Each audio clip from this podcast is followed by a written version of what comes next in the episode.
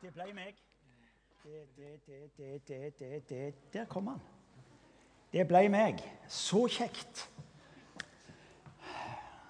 Har vi det bra? Dere som ikke svarer, er ikke riktig sikre. Jeg blir alltid spurt Og her var det mye god lyd, altså. Ja, sier lydteknikeren, du må få den fram. Sånn. Ser jeg godt ut? Ja. Det er aldri noen har dere hørt meg si før, så selvopptatte mennesker som prester og predikanter, for de er livredde for å ikke bli hørt. Jeg tenkte jeg skulle ta en vri og snakke om utseendet, men det var eh, jeg, har, eh, jeg, vil gjerne bare fortelle dere om hva Elling og meg og noen andre eh, sist uke eh, har vært på tur sammen. For for IMI så er det viktig å lære av hva Gud gjør andre steder. Vi tror nemlig ikke at Gud er norsk. Det er sikkert sjokk for noen, men han er faktisk ikke norsk. Eller typisk norsk.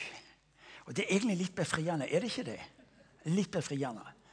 Eh, Imi-kirka sin historie er egentlig en historie hvor pastoren i sin tid pastoren, vil si Martin Cave, sa 'Kjære Gud, hva gjør jeg nå?' For jeg visste jo ikke. Helt til jeg oppdaget at det var den dummeste bønnen jeg kunne be. For hvis jeg ba 'Kjære Gud, hva gjør jeg nå?', så hadde jeg jo fremdeles problemer. Men hvis jeg ba 'Kjære Gud, hva gjør du nå?' Hvem har ansvaret? Han har ansvaret. Men det betyr at da må jeg begynne å se litt utover hva Gud gjør andre steder. Og jeg så gå, og sånn sett har det vært altså min vandring gjennom de årene jeg har vært i, i min kirke. Og det er ca. 37 år. Eh, 37 år. Så jeg det, Ja. Det er ingen som har reist så mye i eh, Indremisjonen og i Nordmisjonen eller i IMI som jeg har hatt. Og Folk tenker veldig ofte at det, ja, det er en som er, som er from og som skal lære. Men det har ingenting med det å gjøre. Jeg visste bare ikke hva jeg skulle gjøre. Er du med? Så utgangspunktet mitt ble hva er det du gjør? Og så måtte jeg få tak i det, og så ble det på et vis det jeg fikk lov til å ta med, med meg hjem. og så dele det med andre. Og I begynnelsen reiste jeg alene. Eh, og så etter hvert så ble vi flere og flere som dro. I min kirke sin historie ikke, ikke original i det hele tatt. Eh, det er oppsamla 20-gods fra nokså mange forskjellige menigheter. Men vi tror at den lapskausen som det til slutt ble, er rimelig god. Er dere med? Poenget er jo ikke å være original. Vi går rundt og sier ja, vi må være original. Hvorfor skal du være original? Gud har aldri bedt deg om å være original. Han har sagt sørg for å lære. Sørg for å ta imot. Og hvis, i vårt hus, hvis all mat som skulle bli spist i vårt hus, skulle bli lagt av meg, så skal jeg fortelle deg du hadde det blitt putle. Ja. Så vi er sammen om det hjemme i vårt hus. Det vil si kona lager mat når jeg vasker opp. Sist uke så eh, var vi på tur, ikke bare folk fra IMI, vi var en god flokk fra IMI, vi var så noen og 70 ledere fra hele Norge som besøkte i dette tilfellet Battle Church i Reading. Eh, en menighet som vi lærer mye av, og som vi gjerne har lyst til å være sammen med. Det betyr ikke at alt det de gjør, er riktig, men vi lærer av dem. Dette er en type pinsekarismatisk eh, menighet. Eh, og vi har vårt lutherske ståsted. og Det betyr at eh, vi ser litt grann ulikt på forskjellige ting. Men det er jo alltid gode familier, er det ikke det? Ja. Broren og meg, søsteren min og meg altså vi, vi, er gode venner, men vi mener nok ikke det samme. Og egentlig er det befriende, er det ikke det? For Hvis ikke blir det sånn ensretting og veldig smalt. Så vi var der borte i ei uke og hang med, men med, mennesker som gjør et dypt inntrykk på oss fordi de har et ønske om å gå med Jesus. De har også en brann etter å bety en forskjell. Å høre undervisningen deres var, var, var, var, det stor velsignelse. Og så møter du eh, mennesker som berøres på en slik en måte at de må ut og bety en forskjell. Så der var vi i siste uke. Kom velsigna tilbake. Og jeg sa, gå i dekning, for det dere skal dere skal treffes av det. Det er ikke dårlig, det. Ta med seg Guds velsignelse fra et annet sted, og så, og så deler vi det med hverandre. Og så, Hvis du av og til hører at de folka de, de reiser litt, så, så, er det bare fordi de egentlig er hjelpeløse. Er du med? Så når folk begynner sånn, Hvis noen skulle kritisere seg, de reiser mye, så skal de si at de, de, de må det, hvis ikke så stopper det opp. Ja. Det var en som sa det, men hvorfor, ja, men hvorfor reiser du der? Jeg kan ikke gjøre det samme i Stavanger. Jeg husker jeg snakket med en god venn av meg som var vekkelsespredikant. Og han var vekkelsespredikant, skal jeg fortelle deg. Ja. En gang sto han i vekkelse i Agder, vet du, og hele dalen var jo prega av eh, at det var noe som skjedde, og Gud handla, og mennesker ble frelst, og alt det der. Så han sa til meg Du, Martin, sa han, hvorfor i all verden må du reise til Amerika eh, for å oppleve noe med Gud? Kan ikke gjøre det samme her? Så sa jeg til han, nå skal jeg ta deg, tenkte jeg. Så sier jeg til han, du, i den dalen som du holdt på å herje i, der var det mye folk, og der var det mye vekke, så Var det ikke det, sier jeg? Jo. Ja, dalen ved sida Hvordan var det der, da? Nei, der var det helt dødt. Ja, så Det betydde at Gud gjorde noe i den dalen. Du var jo alle i den andre dalen. Ja, det var det de gjorde. Ok, så du har du fått tak i poenget. Det Gud ber deg om å gjøre, det er hvor er det du handler, Gud? Og Så vil vi lære av det, og så vil vi kontekstualisere det, som det heter på fint. Og så vil vi leve i Guds velsignelse. Ja, bare, bare som du vet. Men det bare hørte du en historie. Den er nesten sann. Nesten sann. Ja. Jeg kan ikke sagt at den er sann, for det, det vil være lyggen. Eh, det hadde seg slik at uh, Jeg er så glad for at den klokka der ikke stemmer. Det er, noe, det er terror for enhver prest, pastor og predikant. Dette henger klokke så du ser rett på. For vet du hva den sier hele veien? Du taper. Du klarer det ikke. Ja. Det var en parentes. Jeg var altså over der og lærte og Jeg hørte en sann, nesten sann historie. Det var da paven kom på besøk til New York. Og så ble han henta av en svær limousin, 12-15-20 meter, et eller annet i den duren. Svær. Og han tenkte nå, nå har jeg sjansen. Så han sa til sjåføren du, kan, jeg, kan, ikke jeg få, kan ikke jeg få kjøre. Jeg har alltid drømt om å kjøre en limousin. Kan ikke jeg få lov til å kjøre? Så sier hun ikke tale, men du gal, det går ikke. Så jeg har ikke Kan, please. Du skal få mye velsignelse hvis du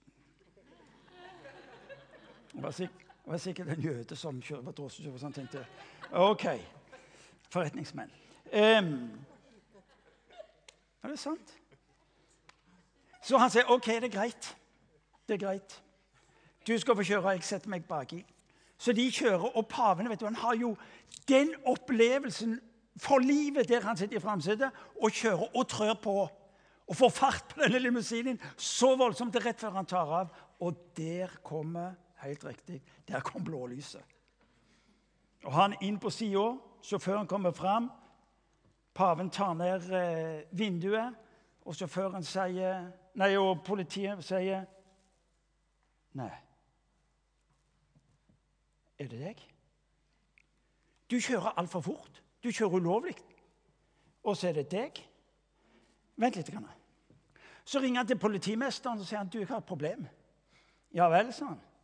Ja, du, jeg har tatt inn en, en, en her nå, og, og han har kjørt forferdelig, forferdelig for fort. Og jeg vet ikke hva jeg skal gjøre. Ja, Hvem er det som kjører da? Er det, er det ordføreren? Nei, nei, nei, nei det, det, er mye, det, er mye, mye større enn det der. Ja vel, er det, er det guvernøren, da? sier han. Nei, nei, nei, det er ikke det. Det er mye større enn det. Ja, er det presidenten, da? Nei, nei, nei, det er mye høyere. Ja, hvem er det da? Nei, Ikke vet jeg, men det er paven som er sjåfør, så da må det vel være Gud. Du som ikke får tak i poeng, kan snakke med Ellesingen etterpå, for han, han tar gjerne utleggelsen på det der.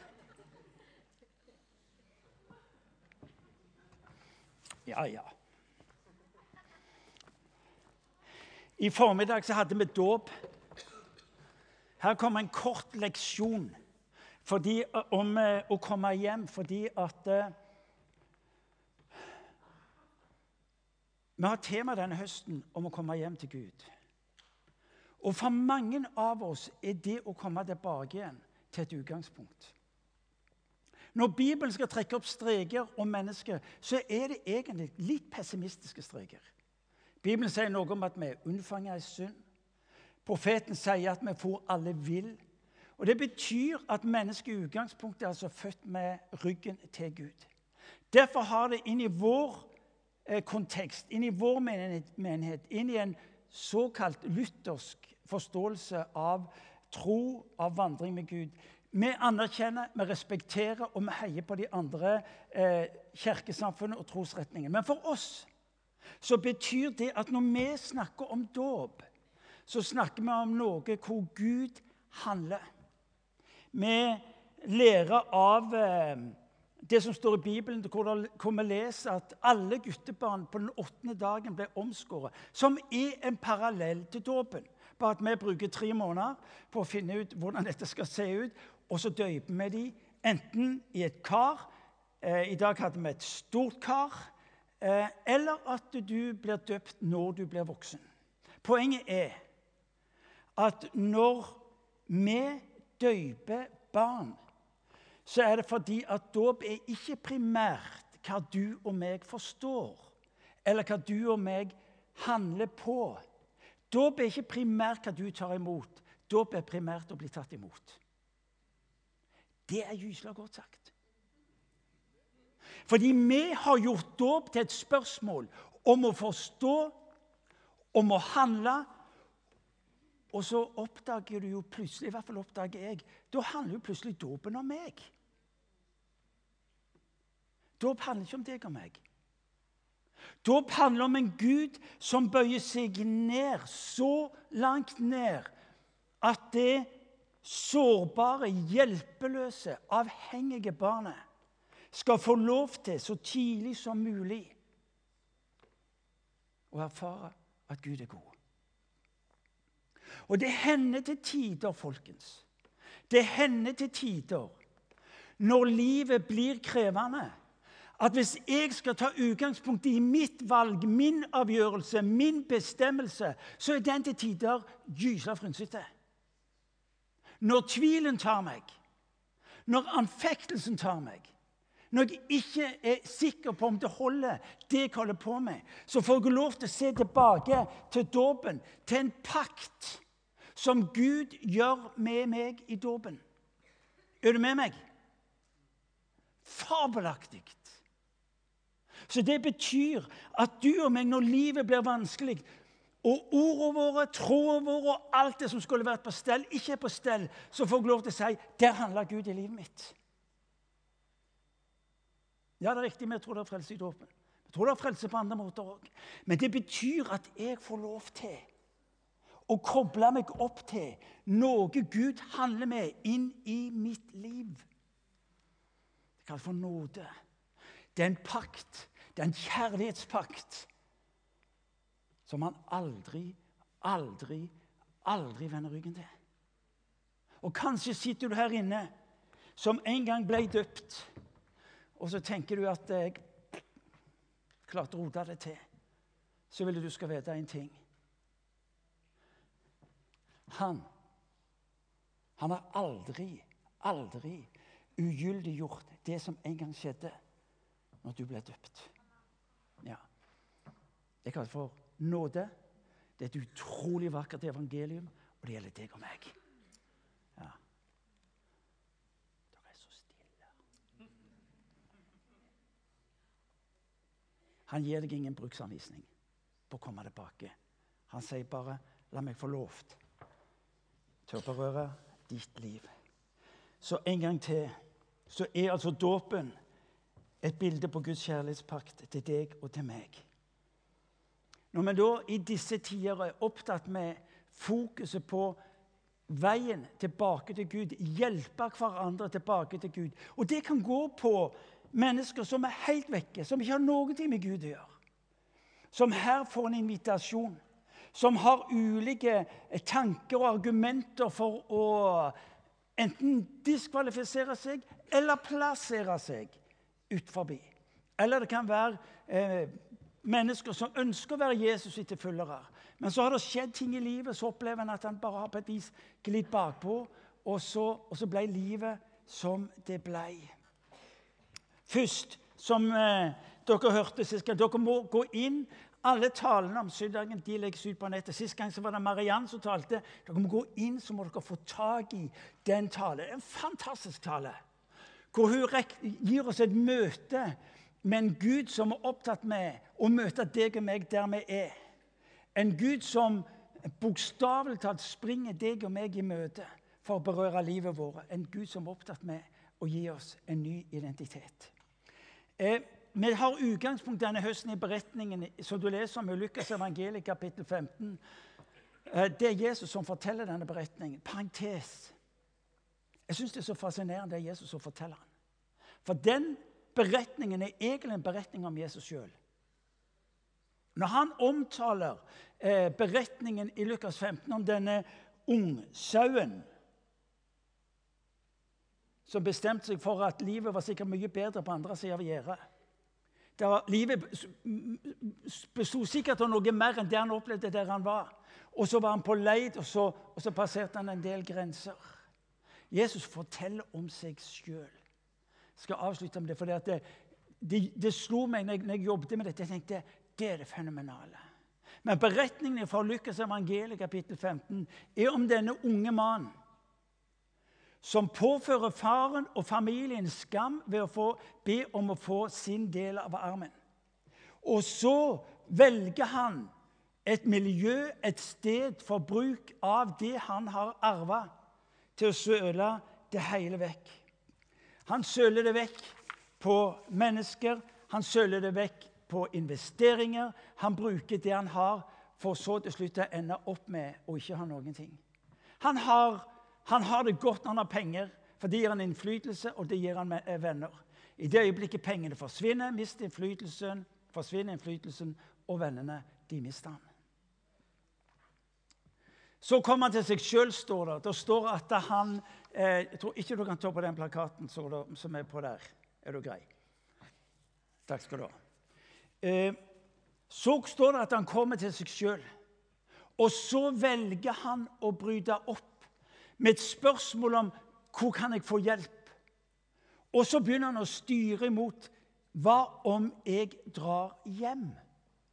Hva om jeg velger å gå tilbake igjen til det stedet hvor jeg forlot? Kanskje kan jeg få Og så forteller Jesus om tankene til denne unge mannen. Kan jeg få jobb? Kan jeg få jobbe som tjener? Kan jeg få jobbe som slave hos far min? For de har det bedre enn der jeg er nå. Og så velger han et oppbrudd, og så velger han å bevege seg hjemover. Og Sist gang så møtte vi vitnesbyrdet om den Gud som springer han i møte. Og jeg har et spørsmål. Når denne unge mannen som har sølt til livet sitt, er på vei hjem, og han ser faren, så aner det meg han har ett spørsmål, og det er hva vil far si nå? Hva vil far gjøre nå?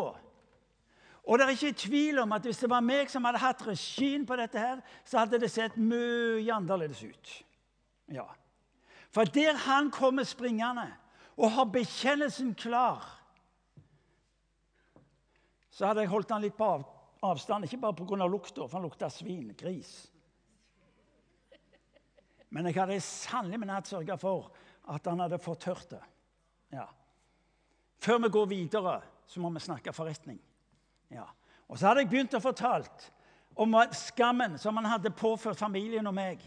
Jeg hadde fortalt om alt det jeg hadde jobba for å spare opp disse pengene, og som han klarte å søle vekk. Og så hadde jeg fortalt at jeg leste om han på Facebook, leste om han i avisene. Om det livet han levde, og så skulle han ha fått det. Takk Gud for at det ikke er meg som skriver evangeliet. Men vet du hva? Det er svært mange menneskers opplevelse i møte med Kirka. Før du kan før du kan komme inn her og finne et sete, så vil jeg gjerne fortelle deg hvem du er. Og Når du har lært deg å kikke det går for deg, sånn som du skal gjøre, så er det mulig vi skal kunne vurdere om du passer inn. Hva vil far si å gjøre? Hva vil far si og gjør. Og så leser du og meg i beretning vet du hva? Det er så vakkert. Vi, vi må lese det. Vi, vi kan ikke bare sitere dette her.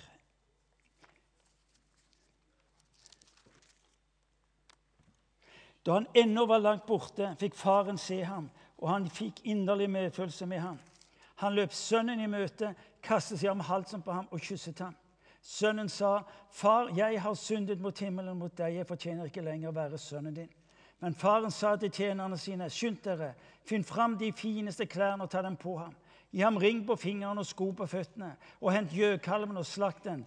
Så vil vi spise og holde fest. For denne sønnen min var død og er blitt levende. Han var kommet bort og er funnet igjen. Og så begynte festen og gleden. Sønnen har pugga på synsbekjennelsen. Og Når han så kommer til faren og begynner på bekjennelsen, så overser faren han. 'Far, jeg har synda med deg.' Å, og faren bare kysser han. Og han lukter gris. Ja. Og faren omfavner han, og han sier, 'Far, jeg har synda med deg.' Hent den vakreste kappen til han. Far, mot deg og himmelen. Finn ringen og sett den på fingeren. 'Ja, men far, jeg har synd.' Skal du høre noe? Gud trenger ikke din synsbekjennelse. Den er det du som trenger. Den er det du som trenger. Han vet hvem du er. Han visste alt om meg før han ble kalt til å synge med i den gamle vekkelsessangen på bedehuset. Det er du som trenger synsbekjennelse, for den gir deg et bilde av hvem du er, og hvem Gud er. Men Gud trenger han ikke. Det er han lengter etter å gjøre. Det er bokstavelig å få lov til å omfavne deg. Hva vil det si å være en kristen? Det å la Gud få lov til å omfavne deg. Vet du hva? Det er det det handler om. For meg er det så klin umulig å forstå hvordan mennesker kan si nei til Jesus. Når det er dette han ber om å få lov til å gjøre livene deres.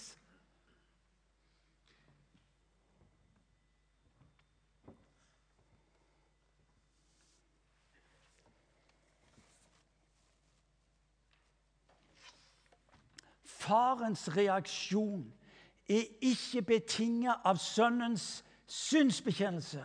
Den er betinget av Faderens kjærlighet.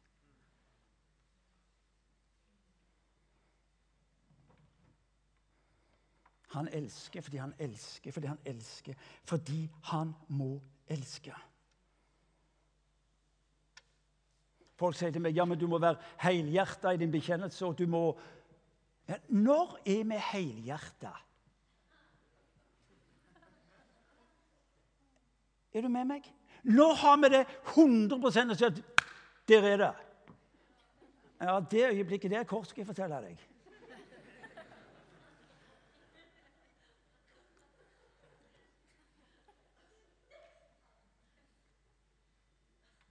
Dette må vi få tak i, fordi dette har med vår identitet å gjøre. Det er tjeneren som går rundt og spør er han fornøyd med meg. Holder jeg mål?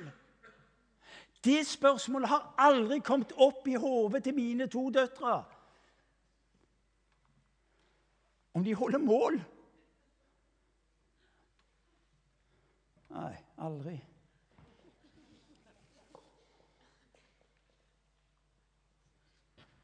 Kan jeg få lov til å være tjeneren din, spør han. Min sønn, sier han. Han var død, han har kommet tilbake igjen. Min sønn.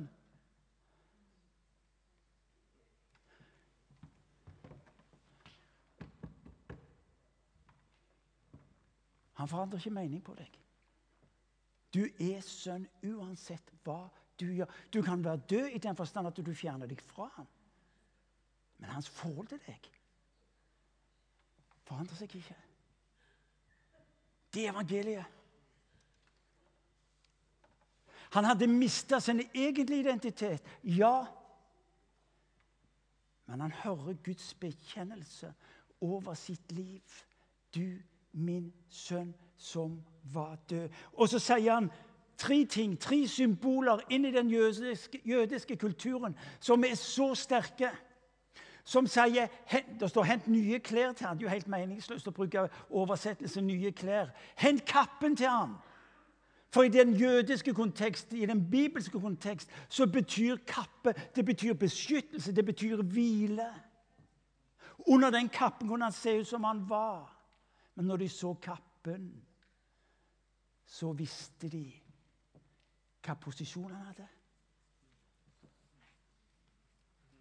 Er du med?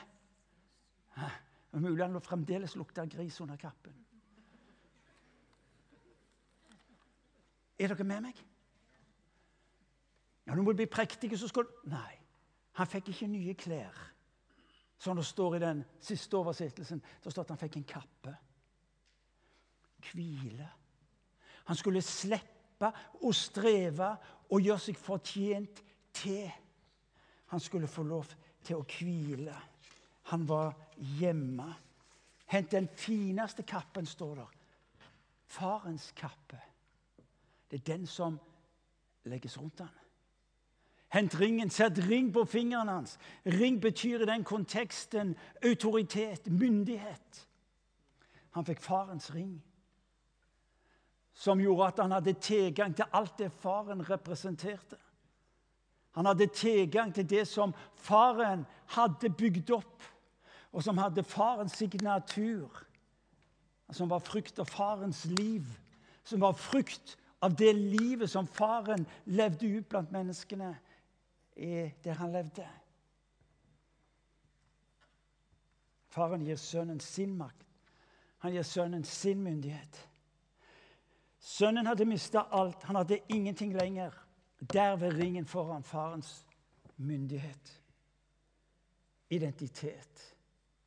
Om du vil økonomiske identitet. Ringen besegler identiteten hans.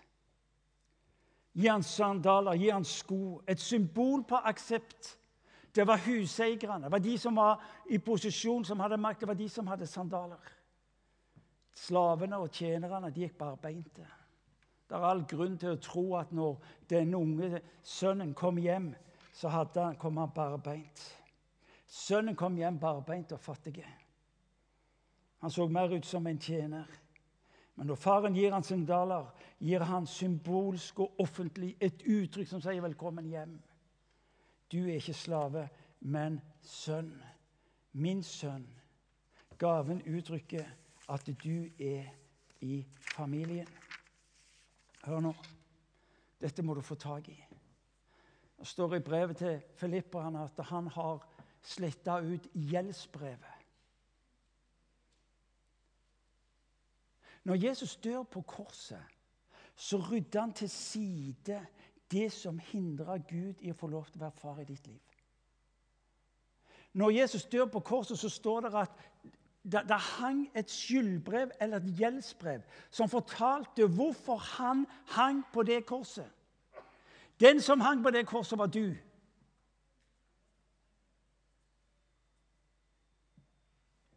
Det ansiktet på han hang på det korset, det var ditt ansikt. Fordi når Gud ser på Jesus, så ser han deg. Og han sier det er godkjent. Når Jesus dør, så sier han det er fullbrakt. Han sletter ut skyldbrevet for å kunne gjenopprette det som var ødelagt, for å kunne få lov til å elske som far igjen. I mange år gikk jeg og lurte på hvorfor. Hvorfor var du så begeistra over for å se sønnen din når han kom tilbake igjen? Og så gikk det opp for meg. Det han var begeistra for, det var at nå kunne han få lov til å elske sønnen igjen. Når Jesus dør på korset, får tak i dette, så er det ikke primært det òg Dere har hørt meg si det før. For å betale for dine og mine synder. Men det er for å gjenopprette det som var ødelagt. Er du med meg? Jo, han døde primært for å ta vekk og ta bort våre synder. Men målet var ikke primært å sørge for at du og meg ble gjeldfrie. Målet var primært at du og meg skulle få lov til å leve det nye livet.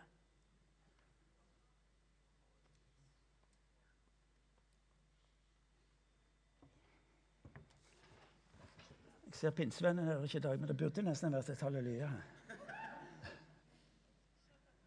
Han gir deg ny identitet.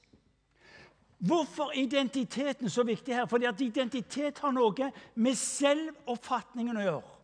Og ut ifra selvoppfatningen vil du se en livsstil, en måte å leve livet på. Er dere med? Det er forskjell på å være tjener. En tjener vil forholde seg til livet ut ifra en tjeners ståsted. Et barn, en sønn, en datter vil forholde seg til omgivelsene som sønn og datter. Det er et faktum hjemme hos oss så var det kun to barn kun to barn i Hottavikhagen som tok seg den retten til å gå inn i vårt hus og forsyne seg av det som var i kjøleskapet, uten en eneste gang spør om tillatelse. Og Ann Therese og Miriam Irena, våre to døtre. De oppførte seg som døtre. Tanken slo de aldri at mammaen og pappaen ville si nei. Ingen av de andre gjorde det. Fordi de var ikke barn av det hun Får dere tak i poenget? En tjener forholder seg til livet og omgivelsene som en tjener. Et barn, sønn, datter, forholder seg til omgivelsene som sønn, datter. Hør, Få tak i dette her. Det første Satan vil gjøre for å riste livet fra deg, det er å stille spørsmål. Har Gud virkelig sagt? Hans hovedstrategi er å så tvil om din identitet. Har Gud virkelig sagt? Det var det Adam og Eva ble møtt med. Når han møter Jesus i, eh, i ørkenen, så er det det samme. Du, dersom, dersom, hvis. Og så setter han spørsmål, han stiller spørsmål med identiteten. Derfor er det så avgjørende for deg og meg å mate oss med det som vil avgjøre vår identitet, vår selvbilde. For hva du ser, hører, forstår, vil avgjøre din vandring. Ja. Problemet ditt ligger primært mellom ørene.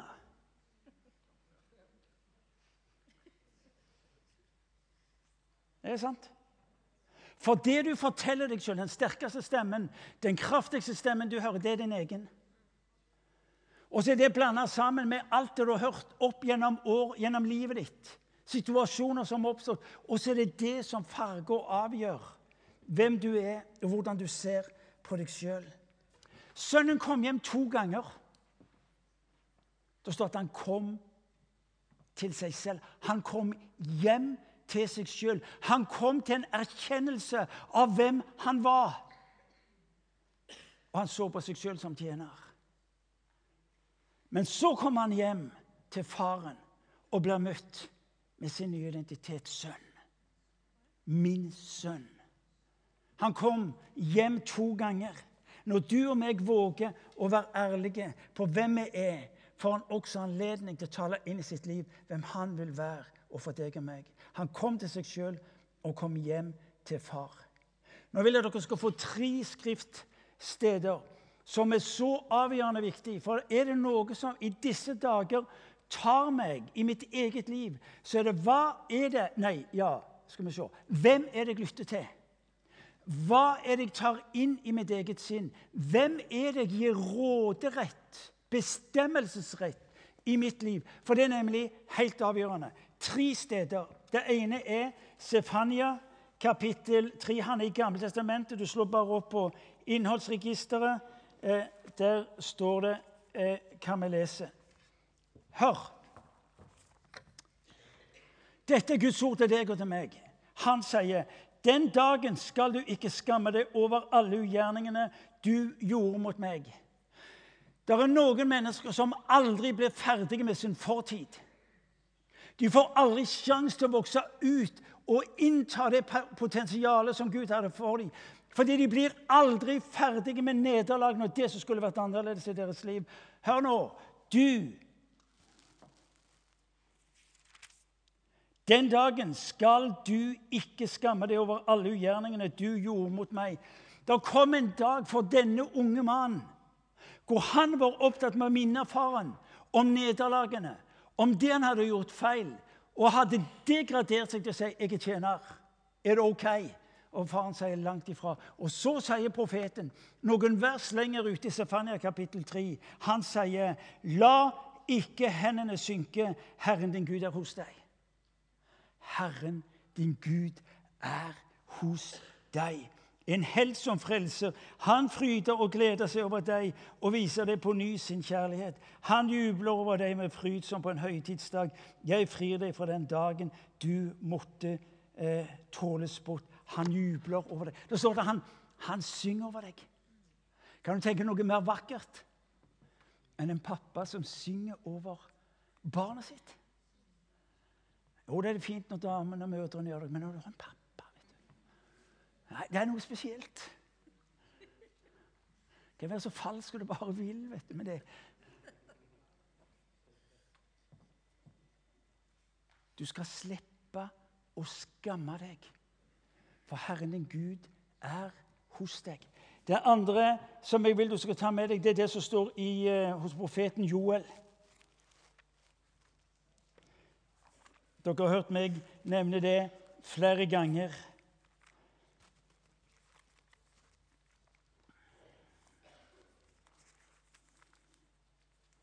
Kapittel 2, vers 25. Jeg gir dere igjen for årene da den svermende, den hoppende, den gnagende og den tyggende gresshoppen åt min store hær, som jeg sendte mot dere.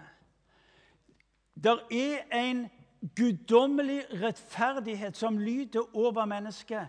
Jeg vil gi deg igjen for det som gresshoppene spiste opp. Det vil si, Folket valgte opprøret. Folket valgte å gå sin egen vei, vendte Gud ryggen og ble, gikk inn i en allianse hvor straffen rammet dem.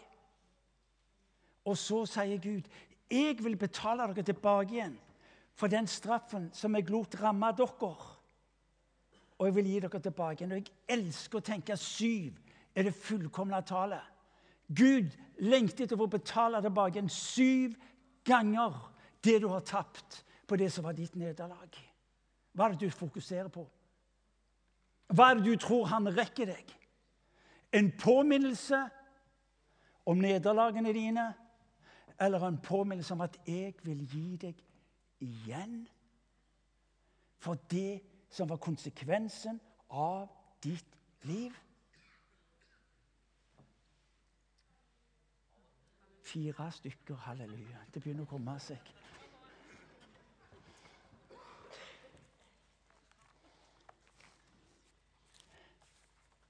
Paulus skriver til menigheten i Efesus.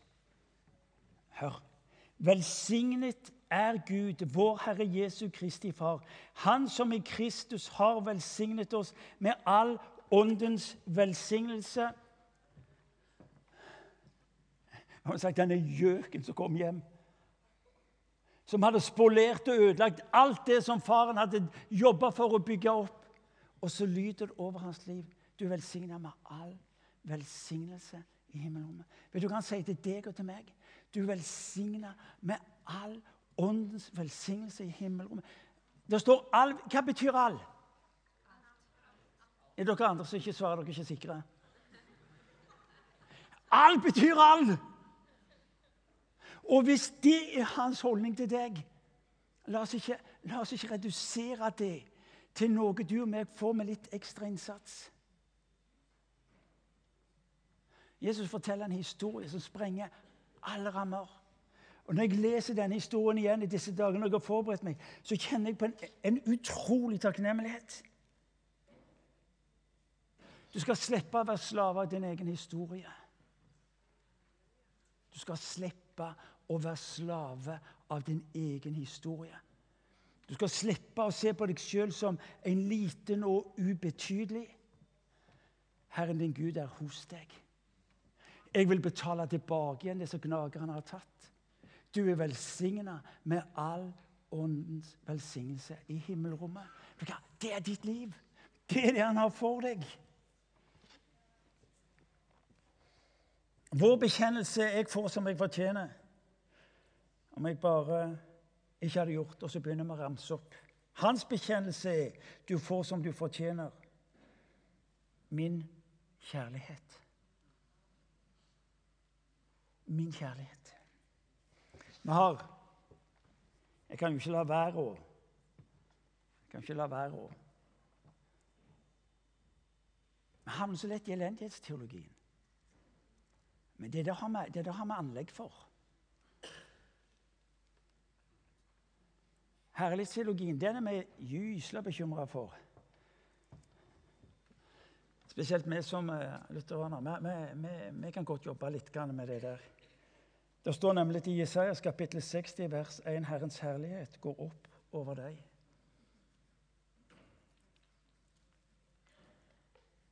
Herrens herlighet. Herlighet Tar du den? Herlighet. Herrens herlighet går oppover meg. Ja, hør, Martin. Betyr det nå at du Herlighet og det er sånn biler i millionklassen og hus og hytter og, og hjorter Nei, det er ikke det vi snakker om. Herrens herlighet har ikke primært med materielle ting. Det òg. Men Herrens herlighet er at han lar sitt rike være en del av mitt liv. Jeg må begynne å slutte.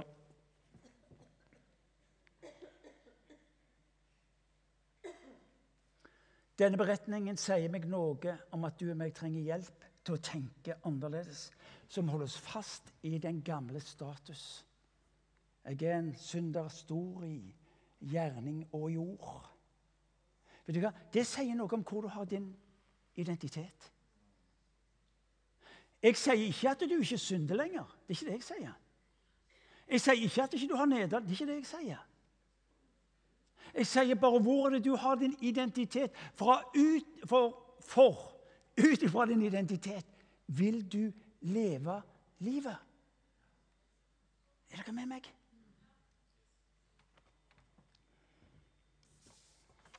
Som du tenker ditt hjerte, sier Skriften, så er du. Gud gir deg en ny identitet. To setninger. Faren gir sønnen en ny bekjennelse. Kan jeg be deg om én ting? Kan du våge Faderens bekjennelse på ditt liv? En gang til. Kan jeg be deg om å våge Faderens bekjennelse på ditt liv? Det er Jesus som forteller denne historien om deg og om seg sjøl. Der står han i møte med mennesker som har livet på stell, og som fikser det meste. Og jeg tror at Når Jesus forteller denne historien, så er det en begeistring i hjertet hans fordi at han får lov til å si ut og omfavne mennesker på en måte som mennesker har lengta etter siden syndefallets dag. Hør nå. Du er en sønn, du er en datter, du som har latt Jesus få lov til å ta plassen i ditt liv som frelser og herre. Du som ikke kjenner han. For Guds skyld, ikke vær dum og takke nei når allmaktens Gud spør om kan jeg få lov til å være Gud i ditt liv. La oss reise oss og la oss be.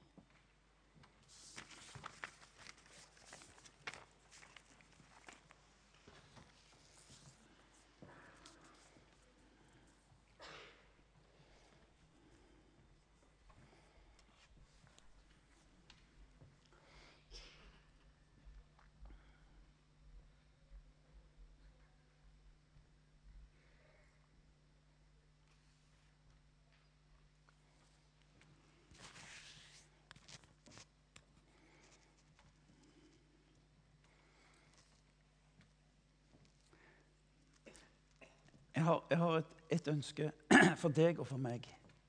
Det at vi skal våge å tro det, det vi har hørt i kveld, det er sant.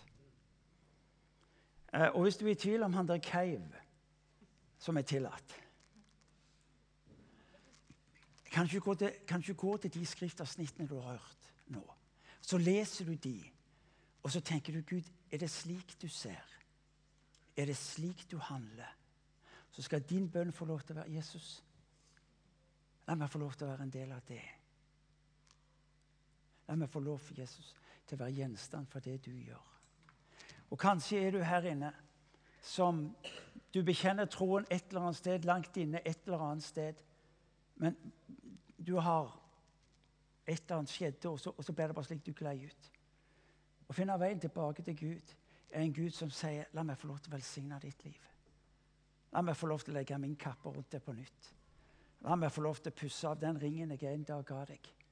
La meg få lov til å bare minne deg om de sandalene du har. Kanskje er du her inne som ikke tror på Jesus. Du, du gjorde et valg om å Det måtte være noe mer. Så brøt du ut av det som en Gud en dag møtte deg med da du ble døpt. Han har ikke glemt hva han gjorde i ditt liv. Så han inviterer deg tilbake, slik at du kan forstå at hans kjærlighet mot deg, den varer ved i hans løfte på ditt og mitt liv. Amen. La oss be. Kjære Herre Jesus Kristus. Takk fordi du ga oss Bibelen med også denne historien om hvordan du elsker. Herre, jeg takker deg fordi du kom oss i møte. Du kommer springende i møte eh, for å omfavne, for å kysse, for å gjenopprette. Bare jeg ber om å få lov jeg ber om å få lov, sammen med alle oss her i dette hus, å få lov, Jesus, til å fortsette vår vandring med deg mot hjemmet du har for oss. Far, jeg ber for de menneskene som ikke kjenner deg, at de skal våge Jesus å bryte opp. Herre, hjelp dem til å bryte opp, til å vende hjem, for å oppdage Gud, at du er klar